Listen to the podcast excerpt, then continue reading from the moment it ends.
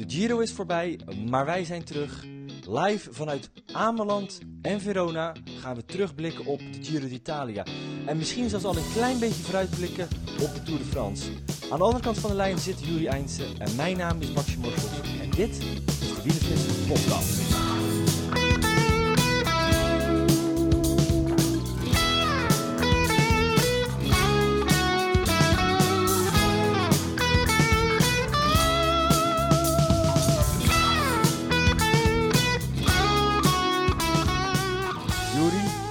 Meteen met een heet hangijzer te beginnen. Er is eh, na afloop van de Giro meteen gezegd van ja, dit is eh, misschien wel een van de saaiste edities van de laatste jaren. Wat is jouw standpunt? Eh, daar wil ik wel in meegaan eigenlijk. Het wa- wa- was wel een mooie startlijst, een mooi deelnemersveld ook. Vroeg een beetje onthoofd, misschien op voorhand al, doordat Bernal niet kon starten. Al snel dat Dumoulin wegviel. Eh Yates die toch al heel snel niet in orde bleek. Ehm, ja, en voor de rest, de eerste twee weken eh, hebben we in de podcast geconcludeerd saai met een vraagteken en saai met een uitroepteken.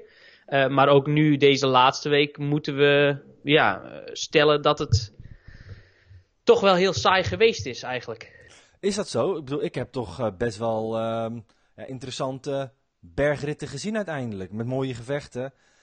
Alleen andere hoofdrolspelers.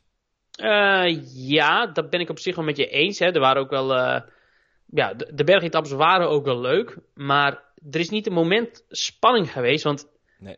tenminste in ieder geval bij mij niet. Want ik heb niet een seconde gedacht eh, dat ze Carapaz nog uit die roze trui gingen rijden. Dat was eigenlijk, ja, na, na twee etappes in het roze had ik al het idee, die gaat hij niet meer weggeven. Ja, maar jij was daar wel heel erg vroeg mee met die uitspraak.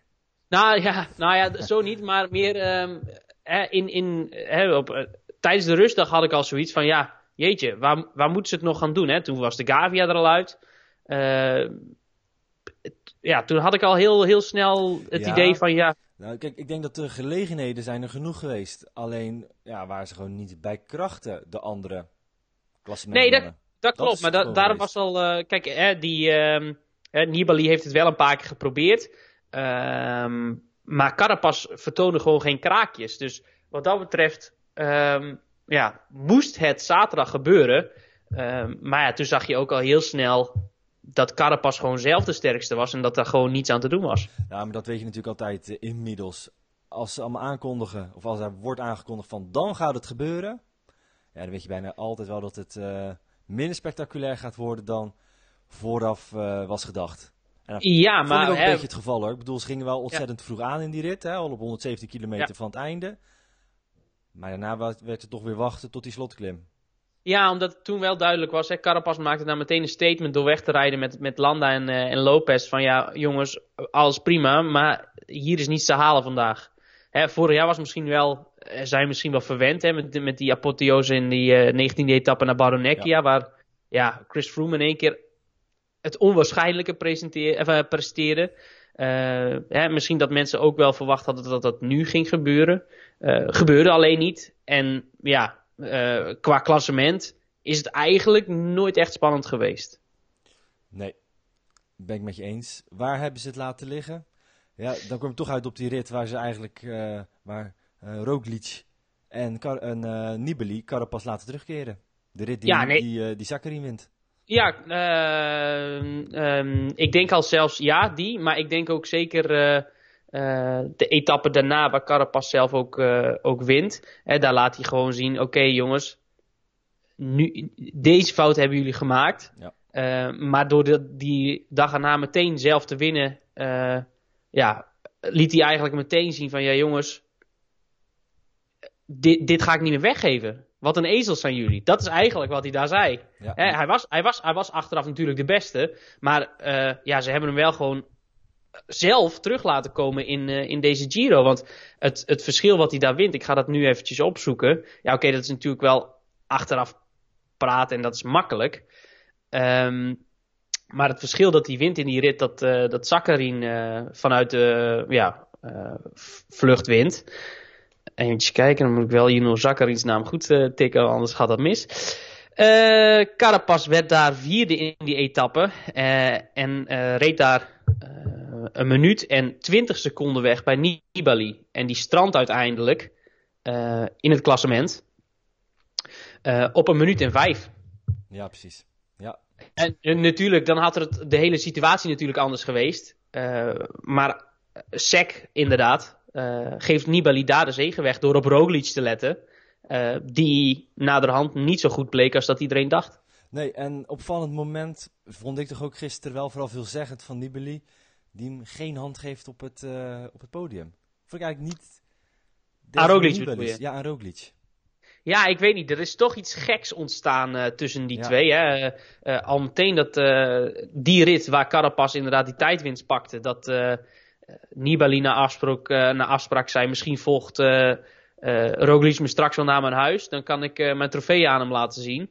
Ja, dat vond ik toch wel een heel arrogante opmerking eigenlijk. En, Welkom in Italië, ja, hè? Jawel, maar het is ook niet echt... Hè, Nibali is natuurlijk altijd wel ja, eerlijk. tegenover internationale media is het vaak uh, molto difficili. Of uh, uh, dan, dan is het vaak, zijn het dezelfde antwoorden. Maar als, zodra Gazetta voor zijn neus staat, dan gaat hij in één keer altijd dingen roepen. ja, een beetje psychologische oorlogsvoering. Maar om nu geen hand te geven gisteren, ja, ik zie niet zo in wat, wat Roglic nu precies fout heeft gedaan. Nou ja, vond ik ook een veelzeggend moment. En eigenlijk, ja, niet des Nibali's om op zo'n manier te reageren.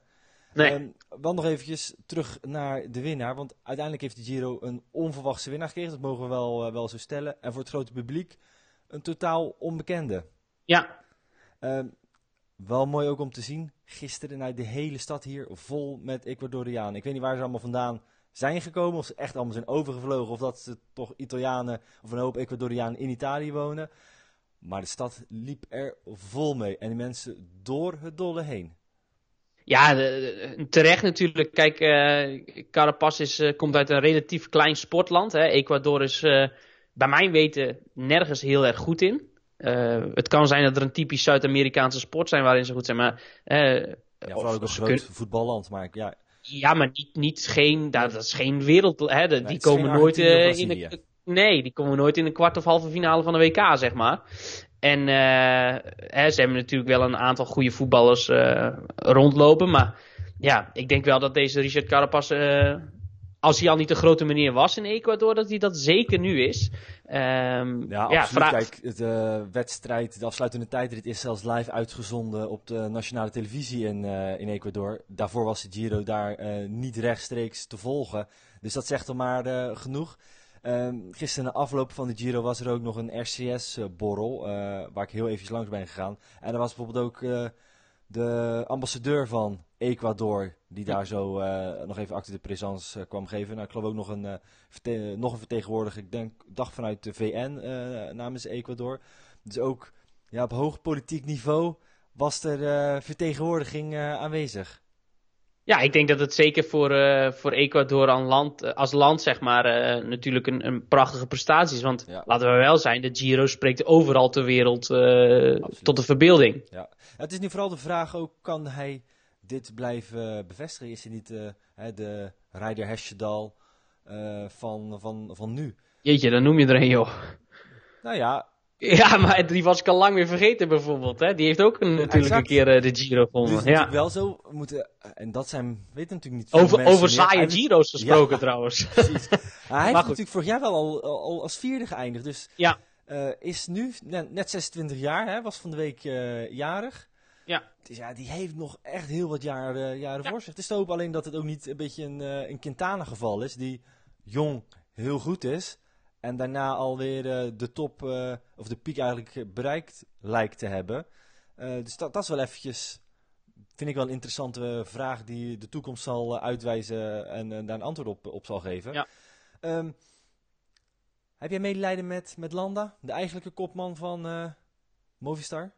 Free Landa! ja. Ja, nee, nee, ja, nou goed, uh, kijk, uh, uh, het is wel een feit dat Landa voor de derde keer in zijn carrière eigenlijk overvleugeld wordt. Hè, destijds bij Astana door Fabio Aru, waar hij ook in de Giro niet mocht rijden omdat Aru de kopman was.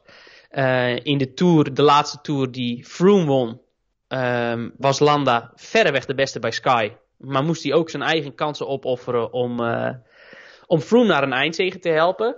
En nu is hij weer de kopman. En ja, is er niemand beter? En dat is uit zijn eigen ploeg. En dat, is, dat lijkt me wel heel frustrerend. Ja, nu is het natuurlijk wel zo, uh, kunnen we wel ook stellen, echt zijn eigen schuld. Want hij liet het al op dag 1 afweten in de openingstijdrit ja. in Bologna. En dat is ook natuurlijk eigenlijk het aspect wat hem al zijn hele carrière weerhoudt van het winnen van de grote ronde. Dat is die tijdritten. Want ja, daar laat hij toch keer op keer steken vallen. En dan vind ik het ook opvallend. Heeft al, heeft notabene een paar jaar bij Sky gereden. En als ze hem daar niet aan de praat krijgen op een tijdritfiets, dan kun je wel gaan afvragen of het überhaupt ooit gaat gebeuren. Uh, ja, eens. Nu is het natuurlijk Landa ook niet een super slechte tijdrijder geweest. Hij heeft best wel goede tijdritten ook, uh, tijdrit ook wel afgewerkt. Uh, maar deze Giro inderdaad was het, was het gewoon niet goed genoeg.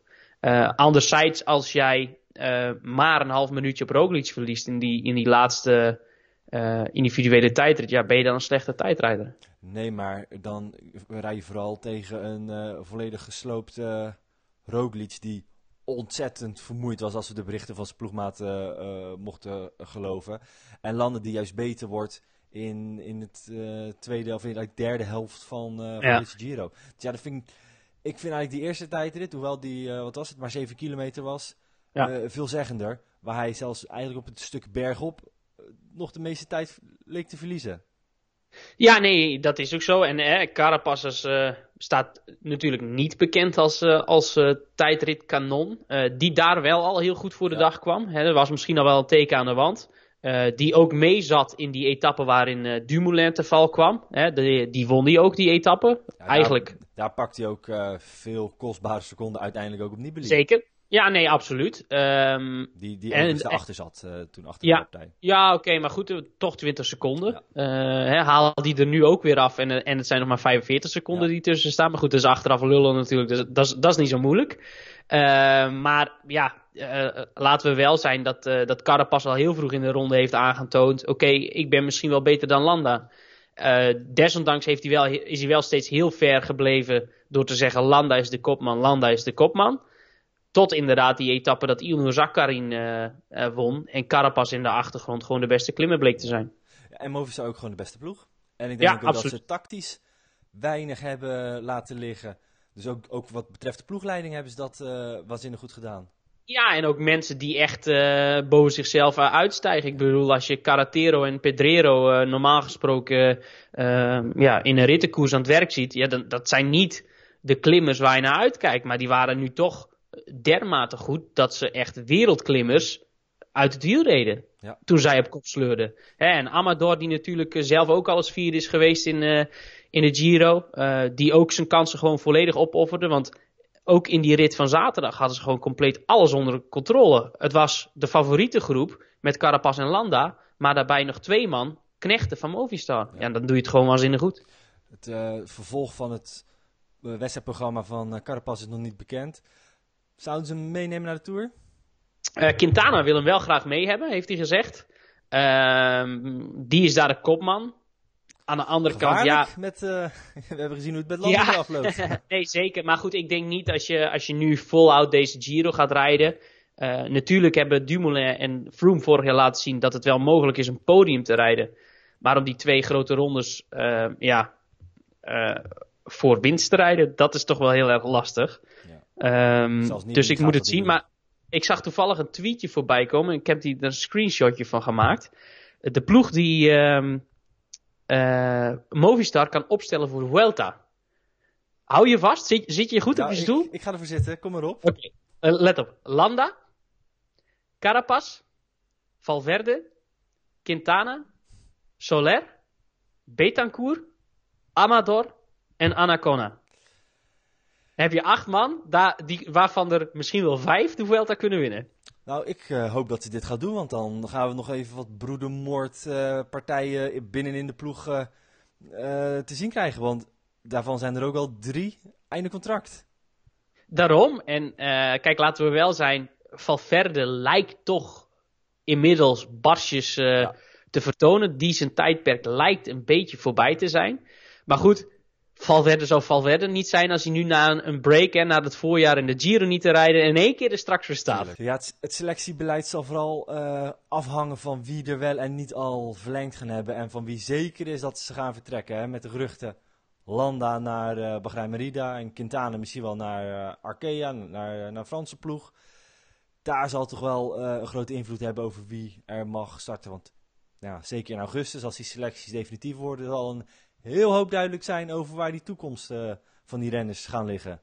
Ja, dat, uh, nou goed, dat zal bij de, bij de meeste ploegen intern nu al uh, bekend zijn, maar um, ja? ja? dat denk ik toch wel. Nou ja, ik denk... Maar, maar daar, daar komen we straks nog wel op. We hebben nog een blokje met transfer staan aan het ja. einde van, van de podcast. Goed, Laten we eens nog even terug naar de Giro gaan. Laten we naar de Giro gaan en vooral nog even heel kort stilstaan bij Nibali. Volgens de Italianen, of hij zou het ook zelf hebben gezegd, was dit eigenlijk uh, zijn allerlaatste kans op de eindzege in een, uh, in een grote ronde. Zo zou hij het in ieder geval zelf ook hebben gezien. Ja, dan strandt hij op een, op een tweede plek. Ik keek eventjes gisteren naar zijn uitslagen in uh, de Giro. Die ik geloof voor het eerst in 2008 reed. Maar de laatste zes keer dat hij, dat reed, allemaal op het podium. Of dat Ja. nee, twee keer niet. Twee keer nog vierde. Maar allemaal top vier. Ja. Ja, dat is bizar. Ja, het is echt bizar. Eh, het is natuurlijk eh, sowieso een geweldige coureur.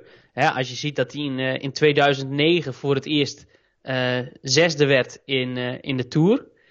Sindsdien eh, behouden ze de Vuelta van 2015, waar hij natuurlijk uitgegooid werd wegens, dat, wegens die Die kleine sticky, sticky, sticky, sticky, sticky, sticky, sticky bottle, die.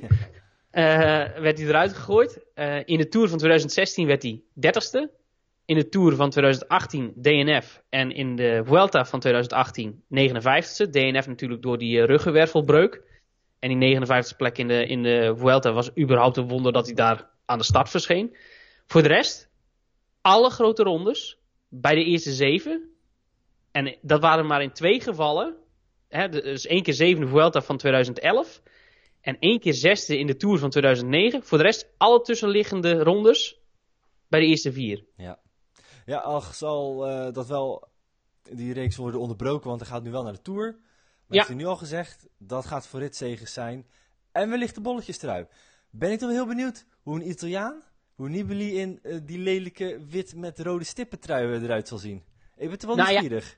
Ja, ik ook wel. En eh, ja, ook wel bijzonder dat zo'n renner van die statuur zegt van... joh, ik ga eens voor die bolletjes trui. Is wel mooi, lijkt me wel eh, lekker man. Ja. Iedere bergetappe Nibali in de, of in de aanval. Nu we- hoorde ik gisteren, in Italië is er dus een kinderstrip van een hondje. eh, Van een wit hondje met, met rode stippen. Dus het heeft in, in Italië nog eens een extra betekenis als, als, als, als kinderstrip. Weet, je hoe dat hondje heet? Nee, dat zou ik eens even moeten navragen. Ik, ik ga toch eens even achteraan. Komen we komen er wel even een keertje op terug.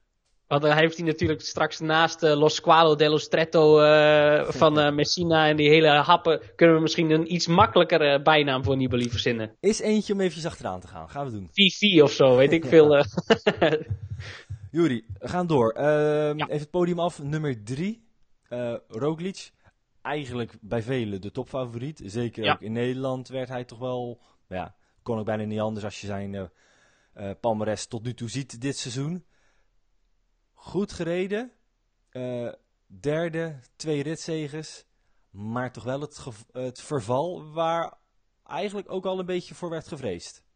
Ja, maar wat wel steeds natuurlijk ook enorm werd tegengesproken door de ploeg. Daar werd eigenlijk eh, ja, een, een soort eh, luchtkasteel gebouwd van... ja, volgens, volgens de computer moet hij nog beter worden. Maar wat eigenlijk iedereen waarvoor vreesde, dat hij te vroeg Ja. gepiekt had... dat dat eigenlijk misschien wel eh, ja, het geval was. Ja, dan zie je maar weer dat Eh, wielrennen gewoon geen computerspel is. En dat al die modellen, Nee, zeker. mogen ze van KPMG of van welk ander eh, rekenbedrijf dan ook zijn. Uiteindelijk zijn er zoveel meer factoren ervan afhankelijk. Ja. En want, ja goed, het, het wegvallen van Geesink in het begin en de plus, of Geesink nog voor de Giro en de plus Ja. in het begin van de Giro. Ja, dat heeft natuurlijk ook wel weer zijn effect gehad, want hij was toch wel behoorlijk eh, geïsoleerd al vroeg in klimritten. Ja, maar dat waren er wel meer. Hè, kijk, in principe had er Ja, maar dat zijn ook in- allemaal niet de renners die gewonnen hebben. Nee, nee, nee, dat is wel waar. Maar goed, ehm, met, met alle respect voor de Plus en met Geesink, hadden die kunnen tornen aan de macht van Movistar? Ik denk het niet. Nee. Hè, Nibali heeft in veel gevallen ook Caruso gehad. Eh, Damiano Caruso, die echt berenwerk voor hem gedaan heeft. Eh, Lopez had dat in iets mindere maat misschien met, met Bilbao en met Jan Hiert. Ehm, alleen, ja, Geesink en de Plus hadden zeker ook zo'n rol als, als Bilbao, als Caruso kunnen, eh, kunnen vertolken. Daar ben ik eigenlijk wel van overtuigd. Maar anderzijds ehm, had dat de macht van Movistar kunnen breken? Ik denk het niet, want Bahrein en, en Astana hebben dat ook niet gekund. En ik zie niet in waarom Jumbo-Visma dat wel had kunnen Nee, doen. niet om te breken, maar het is wel om eh Roglic wat langer gewoon bijstand te kunnen bieden. Hand- en spandiensten in welke vorm dan ook. En eh, al is het de bidon, al is het, eh, weet ik veel, een tactische bespreking. Al is het wetende dat als er wat gebeurt met je fiets, dat je iemand hebt die je materiaal kan afstaan. Ja. Dat soort aspecten, dat is nu natuurlijk nou ja, één keer voorgekomen. Hè, de rit naar Como. Ja. Dat ik toch wel heel erg blij was met een eh, fiets van, eh van Tolhoek.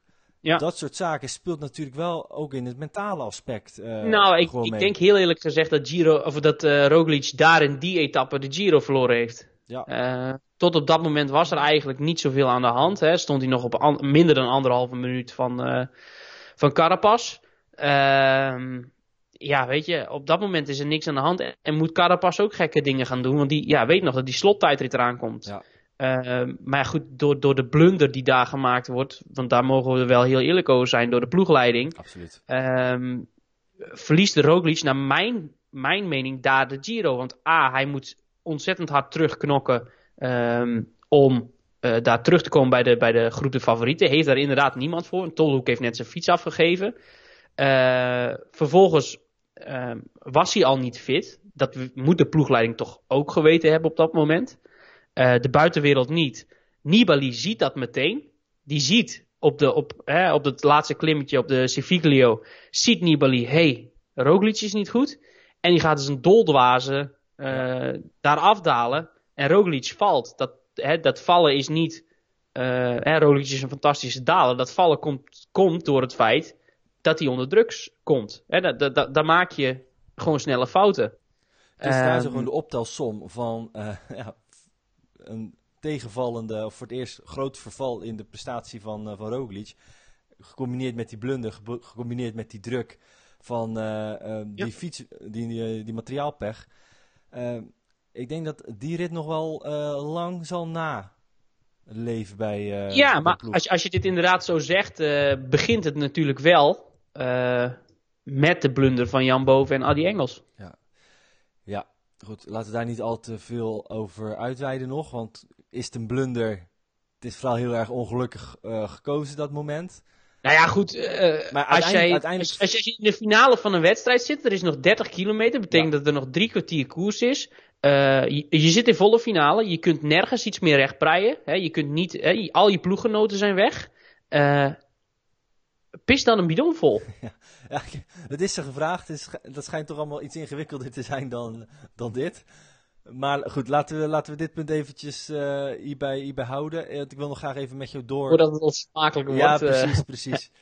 Voordat het helemaal een poep en plas podcast wordt. Ja, en, en het is natuurlijk ook makkelijk oordelen voor ons. Ehm, maar goed, goed, ze hebben zelf gezegd dat het ook dat het een fout was. En dat, Ja. dit, dat ze dit absoluut niet meer zo nog een keer gaan doen. En wel zijn, het is een van eh, de weinige momenten waarop eh, je de ronde. Althans, nou, er zijn natuurlijk veel momenten, maar dit is wel een sleutelmoment geweest in het Ja. verliezen uiteindelijk van, eh, van deze grote ronde. Waar ze ja, tot dan toe gewoon nog, nog echt alle kansen op Ja. hadden. maar in, in die zin, als je hè, een conclusie voor Jumbo-Visma aan deze ronde wilt, wilt koppelen. derde plek, uitstekend. Voor het eerst sinds eh, na het Ja. post-Rabobank tijdperk op een podium van een grote ronde. Fantastisch resultaat, twee ritzegers, prachtig. Alleen de doelstelling was wel het roze in eh, Verona. Verona. En dus moet je wel concluderen dat ze gefaald hebben.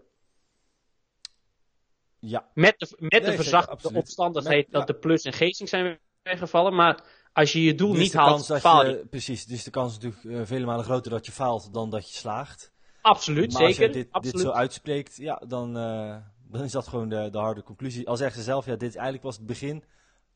Nou goed, dat is wel een beetje profileringsklets misschien. Maar zegt wel, dit is het begin van het hele proces. Of een volgende stap zeker, in het hele zeker, proces. Absoluut. Van en het, het was natuurlijk. Zeker, het was ook fantastisch geweest dat ze direct klaargespeeld hadden. Hè? En, en je moet ook uitspreken dat je de ronde wilt winnen. Alleen, ja, dan moet je, mag je daar ook op afgerekend worden aan het eind van de rit. Ja. Um, Iemand die we daar nog op zijn ambitie kunnen afrekenen is, uh, is Bauke Mollema. Uh, alleen die heeft gedaan wat hij zei dat hij wilde gaan doen. Uh, top 5 van de, van de grote ronde rijden. Nou, dat heeft hij met een vijfde plek. Denk ik behoorlijk volgens zijn eigen prestaties gepresteerd. Ja, nee, zeker. Um, die heeft gewoon alles gedaan wat binnen zijn macht lag. een fantastische ronde gereden. Um, heeft ook laten zien dat de grote ronde winnen voor hem gewoon heel lastig gaat zijn. Uh, dat was het misschien altijd al, maar hij moest wel heel erg veel harken deze ronde. En dat, dat geeft niet, want dat is zijn stijl. Um, met deze hartstikke mooie vijfde plek uh, ja, als gevolg. En ik, en ik denk toch heel eerlijk gezegd dat niemand dat vooraf uh, met de deelnemerslijst, met het deelnemersveld wat er was gezegd had, Bauke Mollema gaat die vijfde worden. Nee, er werd altijd gesproken, eigenlijk waren er vijf topfavorieten voor deze ronde. En begin, hè, zijn we inmiddels alweer vergeten, ja. maar sprak niemand over Mollema als nee. kanshebber. Goed, nu is hij nooit in de buurt geweest van, uh, van de roze trui, maar nooit als iemand die hoog in de top 5, uh, of hoe u het wil bekijken, laag in de top 5 van de, deze ronde zou, zou kunnen eindigen. En altijd rond deze, rond de mannen waar hij uiteindelijk tussen is geëindigd, heeft hij altijd tussen gestaan. Ja, en, en het knappe vind ik, hij was, hij was niet bij de beste vijf klimmers van deze ronde. Nee.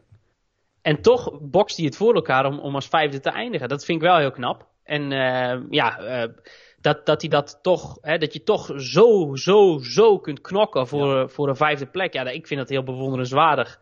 En, uh, en ik vond het ook leuk om een Mollema te zien zoals ik hem in ieder geval niet ken, want het is gewoon een hele rustige, rustige nuchtere Groninger.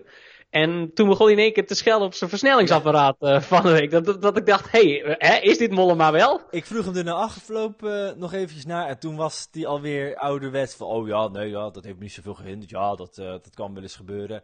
toen was er allemaal niks aan de hand. Maar zijn, nou, zeggen, niet zo'n hele lieve uithaal naar de Shram was toch wel duidelijk op op beeld uh, te horen. Ja, ik, ben wel heel benieuwd eigenlijk of hij daar nog voor op een matje moet komen of zo bij Guercilena. Weet je wel, het is toch een, ja, het is ongelukkig, want waarschijnlijk gebeurt het ook een tal van andere renners in koers en dan hoor je het nooit. En natuurlijk hoor je als, als journalist zijnde ook wel eens dat bijvoorbeeld een tijdritfiets niet goed is of, of, of dat er uh, de banden niet goed zijn of wat dan ook. Maar uh, zo, zo duidelijk in beeld uh, horen dat er iets mis is met je. Je gaat je bijna afvragen van wist hij het of was het gewoon puur alleen frustratie en wordt dat toevallig opgepikt door, uh, de, door de camera of wist hij wel degelijk van hé hey, hier rijdt wat, ik kan nu niet meer tegenhouden, ik, ik knal het eruit en hopelijk wordt het in Amerika waar Swam zit uh, ook eventjes gehoord.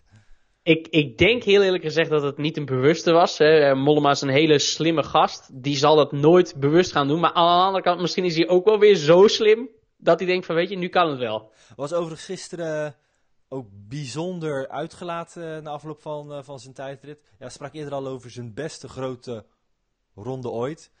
Um, vond ik ook wel een, een veelzeggende uitspraak eigenlijk. Want je zou eigenlijk denken van ja, die, die tour van, van Bouw en Lau dat hij daar echt boven zich uh, uitsteeg. Maar hij zegt deze, dat deze ronde toch nog beter is verlopen dan die, uh, nou, dan die van tevoren eigenlijk had gedacht. Ja, kijk, hè, daar, was, daar waren ze wel, hè, Bouw en Lau allebei bij de betere klimmers in die ja. Tour. Um, ik wil ook zijn, uh, zijn Vuelta van 2011 niet vergeten. Toen nog in het shirt van Rabobank uh, werd hij vierde. Viel hij net buiten het podium. Vond ik hem ook geweldig. En daar maakte hij ook echt een steengoede indruk. Um, maar als je nu, nu van, van A tot Z bekijkt, ja, deze hele ronde heeft hij eigenlijk onder controle gehad. Ja. Uh, is er heel erg makkelijk doorheen gerold. Is, is geen uh, ja, groot tijdsverlies uh, ja, tegengekomen. En um, in die rit dat Zakarin won, heeft hij misschien wel deze vijfde plek mogelijk gemaakt. Hè, waar hij ook Want daar ging hij al heel lang mee met, met de groep. Trok daar gewoon ten aanval nam met initiatief. Ja. En weet daar zo, daardoor ook lang... Uh, ja, nou ja, daardoor eindigde hij bijvoorbeeld ver volgens ja. uh, voor Carapaz, of ver voor Carapaz, maar in ieder geval voor Carapaz en ver ook voor Nibali en Roglic die ja. etappe. Dus wat dat betreft uh, een hele slimme set. En uh, was het de bedoeling? Nou, nou nee, eigenlijk niet. Nee. Ging, ging wel zo. Dus dat is wel, wel heel mooi. Ja, hij gaat nu een beetje dezelfde route als Nibali nemen, ook naar de Tour. Alleen daar zo zal hij niet in weer zelf als kopman gaan, maar met name knechten ook voor, voor Richie Port. En weer mikken op, op ritzegers. Dat deed hij ook in 2017. Nou, het was zo niet heel uh, onsuccesvol. Nee, nee, toen won er eentje, dus uh, wie weet. Wie weet, ja. Uh, wat viel ons nog meer op? Team Sunweb. Vind ik ook wel even een belangrijkste. Eigenlijk zou, deze misschien niet ter sprake zijn gekomen uh, na het wegvallen van, van Dumoulin. Nee. Maar weten dan gisteren toch nog ja, in ieder geval te zorgen dat hun Giro niet als een nachtkaars uit is gegaan door ja, die prachtige tijdritzegen van, van Chet Haga. Ja, nee, inderdaad. Uh, uh, ja, een heel ongelukkige Giro voor, voor Sunweb. Ja. pech in het kwadraat misschien wel. en dat, dat Hega toch op die slotdag ja, nog zo'n tijdrit uit zijn benen tovert. Um, wat hij overigens vaker doet tijdens grote rondes. In die, in die, ja, tegen het einde kan hij echt goede tijdritten afleveren. Want het is normaal geen specialist. Ja, dat zei, uh, daar, werd, daar heb ik ook nog naar gevraagd. Jos van Emden die zou ook zeggen, ja, Jet Hagen is echt geen tijdritspecialist, maar hij is gewoon een goede tijdrijder in een grote ronde. Vond ik wel ja. een belangrijk uh, onderscheid wat hij daar, uh, wat hij daar maakte. Ja, en um, kijk, um, uh, er zijn meer renners die natuurlijk een goede, goede tijdrit hebben naarmate dat er um, ja, grote ronde vordert. Hè. Kijk, nou, kijk naar nummer drie, Thomas de Gent. Ja, en, maar ook bijvoorbeeld hè, Kruiswijk is ook geen tijdritspecialist. Maar in, hè, en, en Mollema ook niet. Maar in grote rondes kunnen die dat toch ook wel heel goed. Winnen is dan nog wat anders. Maar Hega is eigenlijk zo'n renner die dat ook ja, goed kan. In, in grote rondes, uh, naarmate dat het zwaarder wordt, een goede tijdrit uh, afleveren. Ja. Was overigens, uh, ja, we hadden maar één ster in de vormschouwing gegeven. Achteraf gezien vond ik dat echt nog wel aan de, aan de laag, of dan vooraf gezien, wat aan de lage kant. Want binnen uh, de Giro-bubbel werd die naam toch al behoorlijk veel genoemd als kanshebber voor die, uh, voor die ritzege. Dus het kwam uiteindelijk mij helemaal niet meer als verrassing dat hij het uh, zo goed deed. Want ja, ook weer Jos van die had gewoon van tevoren al gezegd van ja, ik denk dat Hagen deze, deze gaat winnen. Nou, dat bleek uiteindelijk het geval. Ja, alleen um, is het natuurlijk wel zo, je moet dat kunnen onderbouwen. Ja. Um, en hij heeft inderdaad wel eens goede tijdritten gereden in grote rondes. Uh, aan het einde. Alleen verder dan een zevende plek. Uh, ja, kwam hij niet, zeg maar. Dus het is niet zo dat je nu in één keer kon winnen. Hè, dus wat dat betreft snap ik die ene ster in de voorbeschouwing wel. Want die kunnen we natuurlijk niet schrijven op basis van onderbuikgevoelens. Goed, we gaan even een sprongetje maken naar uh, nieuws dat uh, vandaag op het moment, hè, we maken, nemen deze podcast op maandag op, vandaag uh, via de Telegraaf naar buiten is gekomen. Um, opvallend nieuws, Jumbo-Visma zou interesse hebben in Marcel Kittel. Nu volgen ja. wij die ploeg heel nauwgezet en kijken we ook nog nauwgezetter naar het selectie- en transferbeleid. Mm -hmm. Vond ik dit eigenlijk een naam die niet heel snel binnen de lijn die ze hebben ingezet uh, daartussen passen. Nee, hè, ze richt zich voornamelijk op, op talentontwikkeling. Uh, daarnaast is natuurlijk wel het budget iets gestegen met de intrede van, van Visma. waardoor ze ook wel ja, andere renners, hè, kwalitatief goede renners kunnen binnenhalen die al, al wat meer op leeftijd zijn.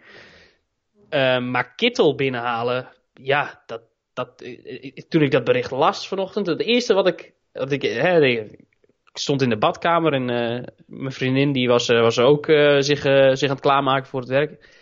En ik zei, hè? Dat, dat ik echt naar mijn telefoon zei. Ik zei, hè? En ze zei, wat is er? En ik zei, ja, Kittel gaat naar, je, of tenminste, Jumbo-Visma is in gesprek met Kittel. die heeft dan geen idee waar ik het over heb. maar goed, ja, dat was wel zeg maar mijn primaire reactie. Ja. Want dat, ja, ik vraag me vooral af ten koste van wie zou dat dan gaan? Zou dan toch Danny van Poppel vertrekken? Of is het uh, Groenewegen die uh, vertrekt? Of gaan ze voor drie sprinters kiezen? Nou ja, goed. Ehm, met Danny van Poppel hebben ze eigenlijk al de conclusie gemaakt dat een topsprinter, dat hij dat nooit gaat worden. ja, die willen ze eigenlijk gewoon echt om, ombouwen tot, ja, tot klassieke renner. Ehm, ik weet niet in hoeverre ze daar dit voorjaar over te spreken waren. want ja, laten we wel zijn, het is niet zo dat. Eh, Oké, hij, hij, heeft natuurlijk niet slechte resultaten gereden. Maar in de echt grote klassiekers was hij er nog niet. Is, is ook logisch, hij is pas 25. Ehm, maar goed, als je, als je vijfde wordt in Gent-Wevergem is niet slecht. Ja, is zeker niet slecht. Maar is niet de moeilijkste klassieker. Is niet de zwaarste. Al was deze, moet ik wel een kanttekening meer plaatsen, deze editie van Gent-Wevergem wel zwaar. Ja. Uh, maar als je niet finisht in Vlaanderen en Roubaix, ja, hm, maar als ik jou ik, ik kan... uh, woorden proef, denk je gewoon van, nou, Kittel die kan er gewoon bij komen. Er is maar één topsprinter met, uh, met Groenewegen. Zou er dus naast passen? Ja, maar dat toch, hè, er zijn meerdere ploegen waar het kan. Hè, waar je meerdere, meerdere sprinters hebt. We krijgen zo meteen nog een mooi voorbeeld. Um, maar eh, ja, goed, ik, ik, ik vind het toch lastig. Weet je, uh, topsprinters zijn toch vaak de alfamannetjes op de, op de apenrot, zeg maar. Ja. Ja, en als je daar twee van in je, in je ploeg hebt, ja, dat lijkt me toch wel lastig. Want je bent een Nederlandse ploeg. Uh, je investeert al jaren in Dylan Groenewegen, een Nederlandse sprinter. Die ligt nog vast tot en met 2020. Uh, eh, die gaat dit jaar de Tour en de Vuelta rijden. Die gaat volgend jaar ook altijd, denk ik toch, de voorkeur krijgen boven Kittel. In een grote ronde. Uh, hè, volgend jaar is er het plan om met Roglic eh, de Tour te winnen. Hè, dat, dat, dat wordt de doelstelling. Ga je dan uh, die hele, net zoals nu in de Giro, die hele ploeg rondom Roglic bouwen? Die kans is aanwezig. Blijven de Giro en de Vuelta over? Uh, ja, wat gaat Groenewegen doen? Gaat hij dan één van de twee doen? Of gaat hij ze, hè, net als dit jaar, rijdt hij ook twee grote rondes. Als Groenewegen dus volgend jaar ook gro twee grote rondes gaat rijden, ja, wat dan met ja, Kittel? is er gewoon geen plek voor hem over. Nou, dit is iets dus wat we even moeten gaan uitzoeken. Het is nog zo nieuw dat we daar verder nog uh, niet de gelegenheid voor hebben gehad om even te kijken van wat er, uh, wat er uh, van waar is. Misschien ook nog wel een kleine kans dat het niet klopt.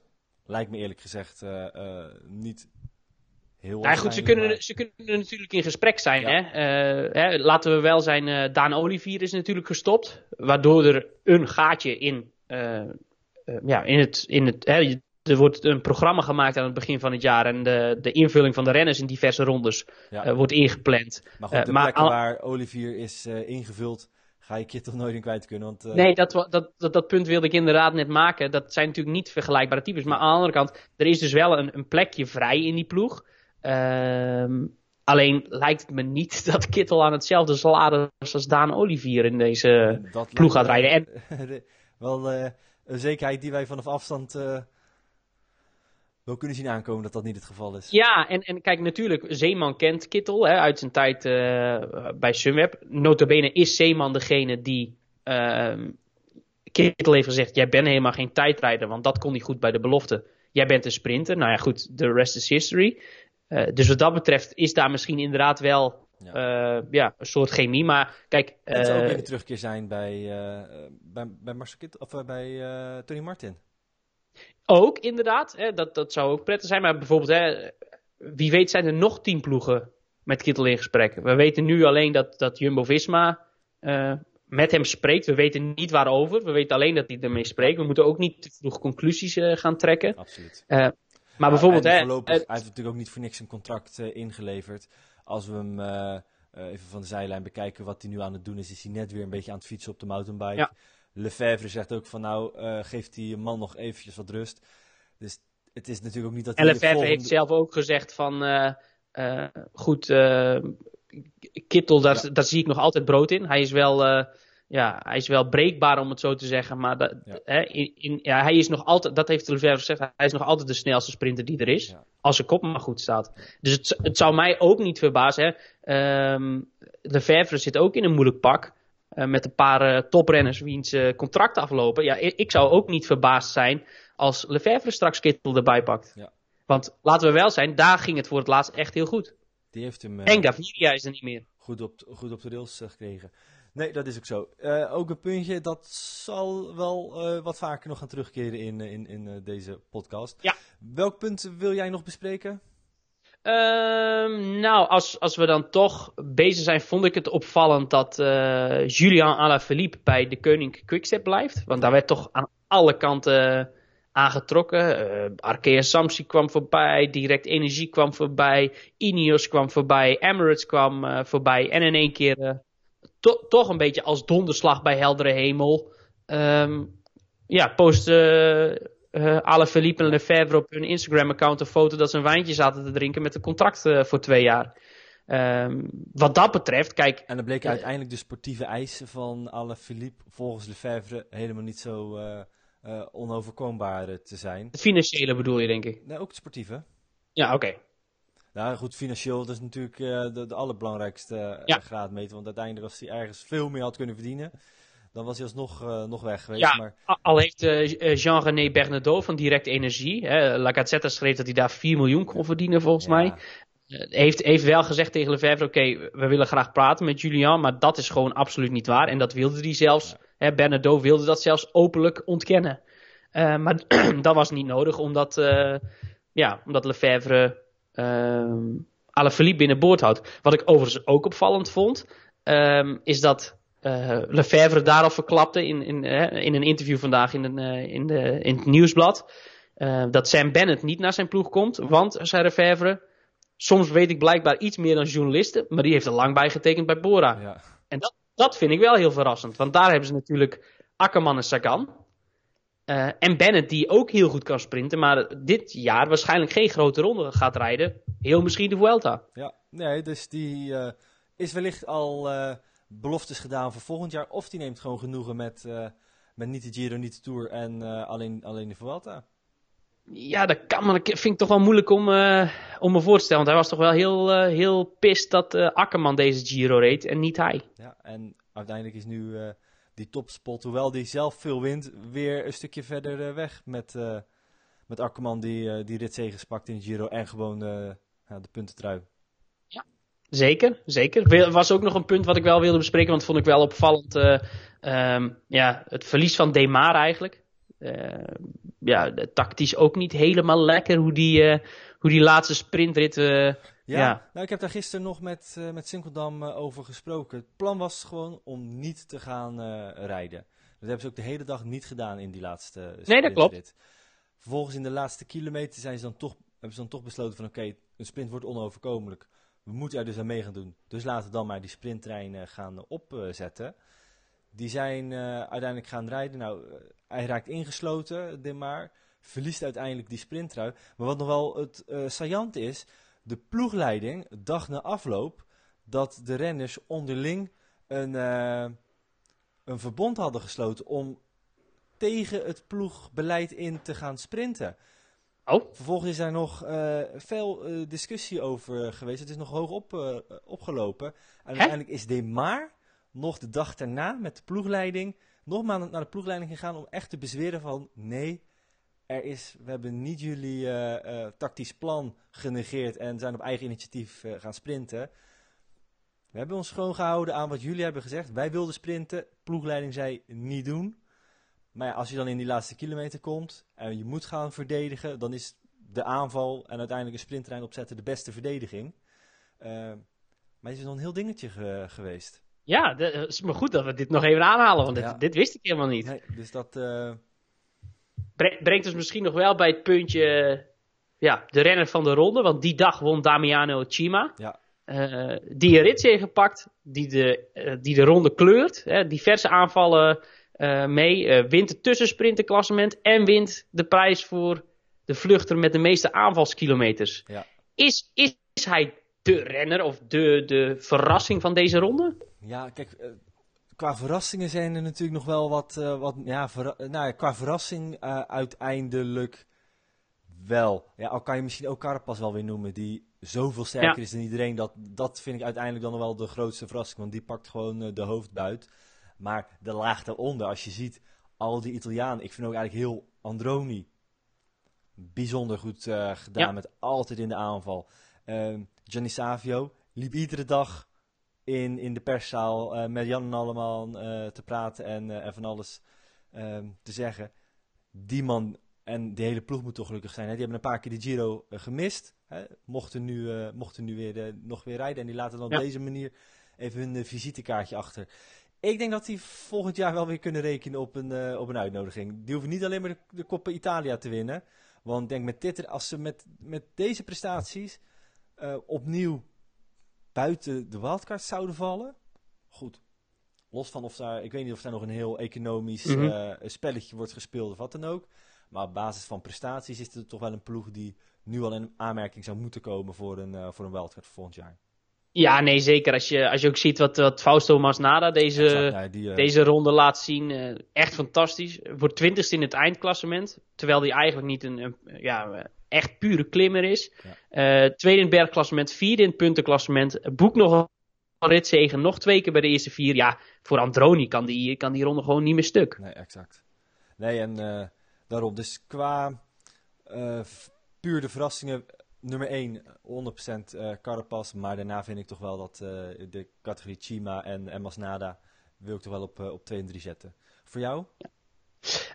Um, ja, ook wel. Al ben ik wel ook wel heel erg uh, te spreken over hoe Giulio Ciccone ja. hier rondreed. een paar keer van, van, van Bouke ook begrepen dat hij echt bergop zo snoeihard reed. Um, heeft ook heeft puur voor die bergtrui gereden. Um, ja, ook met, met een straatlengtes voorsprong dat klassement gewonnen. Um, maar die, die, ja, die klopt wel heel nadrukkelijk uh, op de deuren. Hè? Als, als ik Trek Segafredo was, zou ik dat volgend jaar eens proberen om met Chicone. Uh, hè, als Nibali niet naar, de, naar, naar die ploeg trekt. Want dat, dat lijkt er wel steeds, uh, steeds meer op, ja, ja. op te lijken dat die daar naartoe gaat. Maar ja, zo'n Chicone die verdient naar mijn mening, als hij, als hij echt zo goed klimt, uh, een keer een, een, kopmanrol in een grote ronde. Of, of misschien wel eens in de Vuelta. Ja, is natuurlijk wel nog uh, relatief uh, jong met, met 24 jaar. Ja. ja, je merkt gewoon dat hij super gebrand is op die bergtrui. Vorig jaar nou, nog net gemist nadat ja. Chris Froome hem, die trui nog van hem afpakte. Ja. die moet gedacht hebben, dit jaar gaat me dat niet opnieuw overkomen. Ja, hij wint gewoon met ja, meer dan het dubbele aantal punten dan de nummer 2. En, en, het leuke was, dat begon al op de eerste dag. Ja. Chicone is een van de weinige renners die gewoon echt dat eerste deel, dat vlakke deel van die tijdrit, gewoon echt, nou ja, op zijn gemakje zal ik niet zeggen, maar relatief rustig gedaan heeft. Wisselt op al zijn gemak van fiets onderaan die berg en ramt daarna als allersnelste die, uh, de San Luca op. Uh, hè, daar begon het al, daar pakte hij eigenlijk zijn eerste punt. En, en ja, uh, die heeft gewoon van, van, eigenlijk van A tot Z in die blauwe trui rondgereden. Jury, we gaan een punt achter deze podcast zetten. En het is gelukt. Dat is gelukt. Ah, ja, We zeker. een podcast lang niet over Mathieu van der Poel uh, gesproken. Nee, nee, dat zal ongetwijfeld nog uh, in, de, in, de, in de komende weken gaan gebeuren. Maar hij is ook lekker op vakantie, dus we hoeven het ook niet over hem te hebben. Nee, daarom. Laten we dat uh, niet doen. Al nodigen misschien sommige Instagram-posts wel nog uit om toch nog even iets aan te wijden. Maar laten we dat niet doen. We bewaren het. We gaan nog andere weken het hierover hebben. volgende week zijn we weer terug vanuit Amsterdam dan. Met, uh, volgende week, vrijdag al, denk ik. Ja, komend, aan, aankomende vrijdag is dat alweer. Ja, dat is alweer een nieuwe week. Gaat allemaal zo rap, uh, Juri. Um, ja. En eventjes een wat rustigere koersweek. Ja, de ronde van uh, Luxemburg, die staat op het programma. Maar ik las al een, een tweet van, uh, van Sander Slager. goed verwoord. Dat, is, dat komt een beetje over als... Um, je hebt een vijf gangen diner, uh, verwacht je, maar je krijgt uiteindelijk uh, kaasstengels. Zoiets maak je ja. in ieder geval. Is natuurlijk niet, niet te vergelijken met het spektakel nee. dat we in de Giro uh, hebben nee. gehad. En ook een, even iets anders, ander deelnemersveld. Overigens week... ging het gerucht dat Van der Poel die wedstrijd zou rijden. Ja. De Ronde van Luxemburg. Niet waar. Ik heb dat zelf bij hem gecheckt. dat klopte niet. Klopt ook, want hij is nog lekker op vakantie. Die, en, die zit waarschijnlijk op een, op een jetski. of een water, ja. Water, ja. Goed, Juri. Uh, tot zover de Giro. Jammer dat hij voorbij ja. is? Ja, lastig. Ik, uh, een grote ronde vind ik altijd. Twee weken terug naar de, naar de, op de eerste rustdag dacht ik nog. Oh, nog twee weken koers en er is nog helemaal niets beslist. En een week later dacht ik. Nog een week koers en er is eigenlijk niets spannends geweest. En waarschijnlijk wordt het ook niet meer spannend. En dat is zo gebleken. Dus wat dat betreft ja, altijd jammer dat de grote ronde eindigt. Want ja, je valt gewoon in een, in een soort gat. Hè. Er is geen dagelijkse uh, berichtgeving meer. Geen dagelijkse voor- en nabeschouwing. Geen dagelijkse uitzendingen. Uh, maar aan de andere kant, vanaf nu kan lekker de volle focus op, op de Tour de France. Want die is nog maar 33 nachtjes slapen ver weg. Je hebt ze geteld. Inderdaad, het voorpret voor de Tour die kan gaan beginnen. Daarover komende weken veel meer, want we hebben een paar mooie plannen wat betreft de tour coverage op Wielenflits. Ik wil jullie danken voor het kijken en luisteren. Vergeet niet te abonneren op deze podcast als je ons vaker wil horen praten over wielrennen. En graag tot ja, vrijdag. Dan zijn we weer terug met een nieuwe Wielenflits podcast.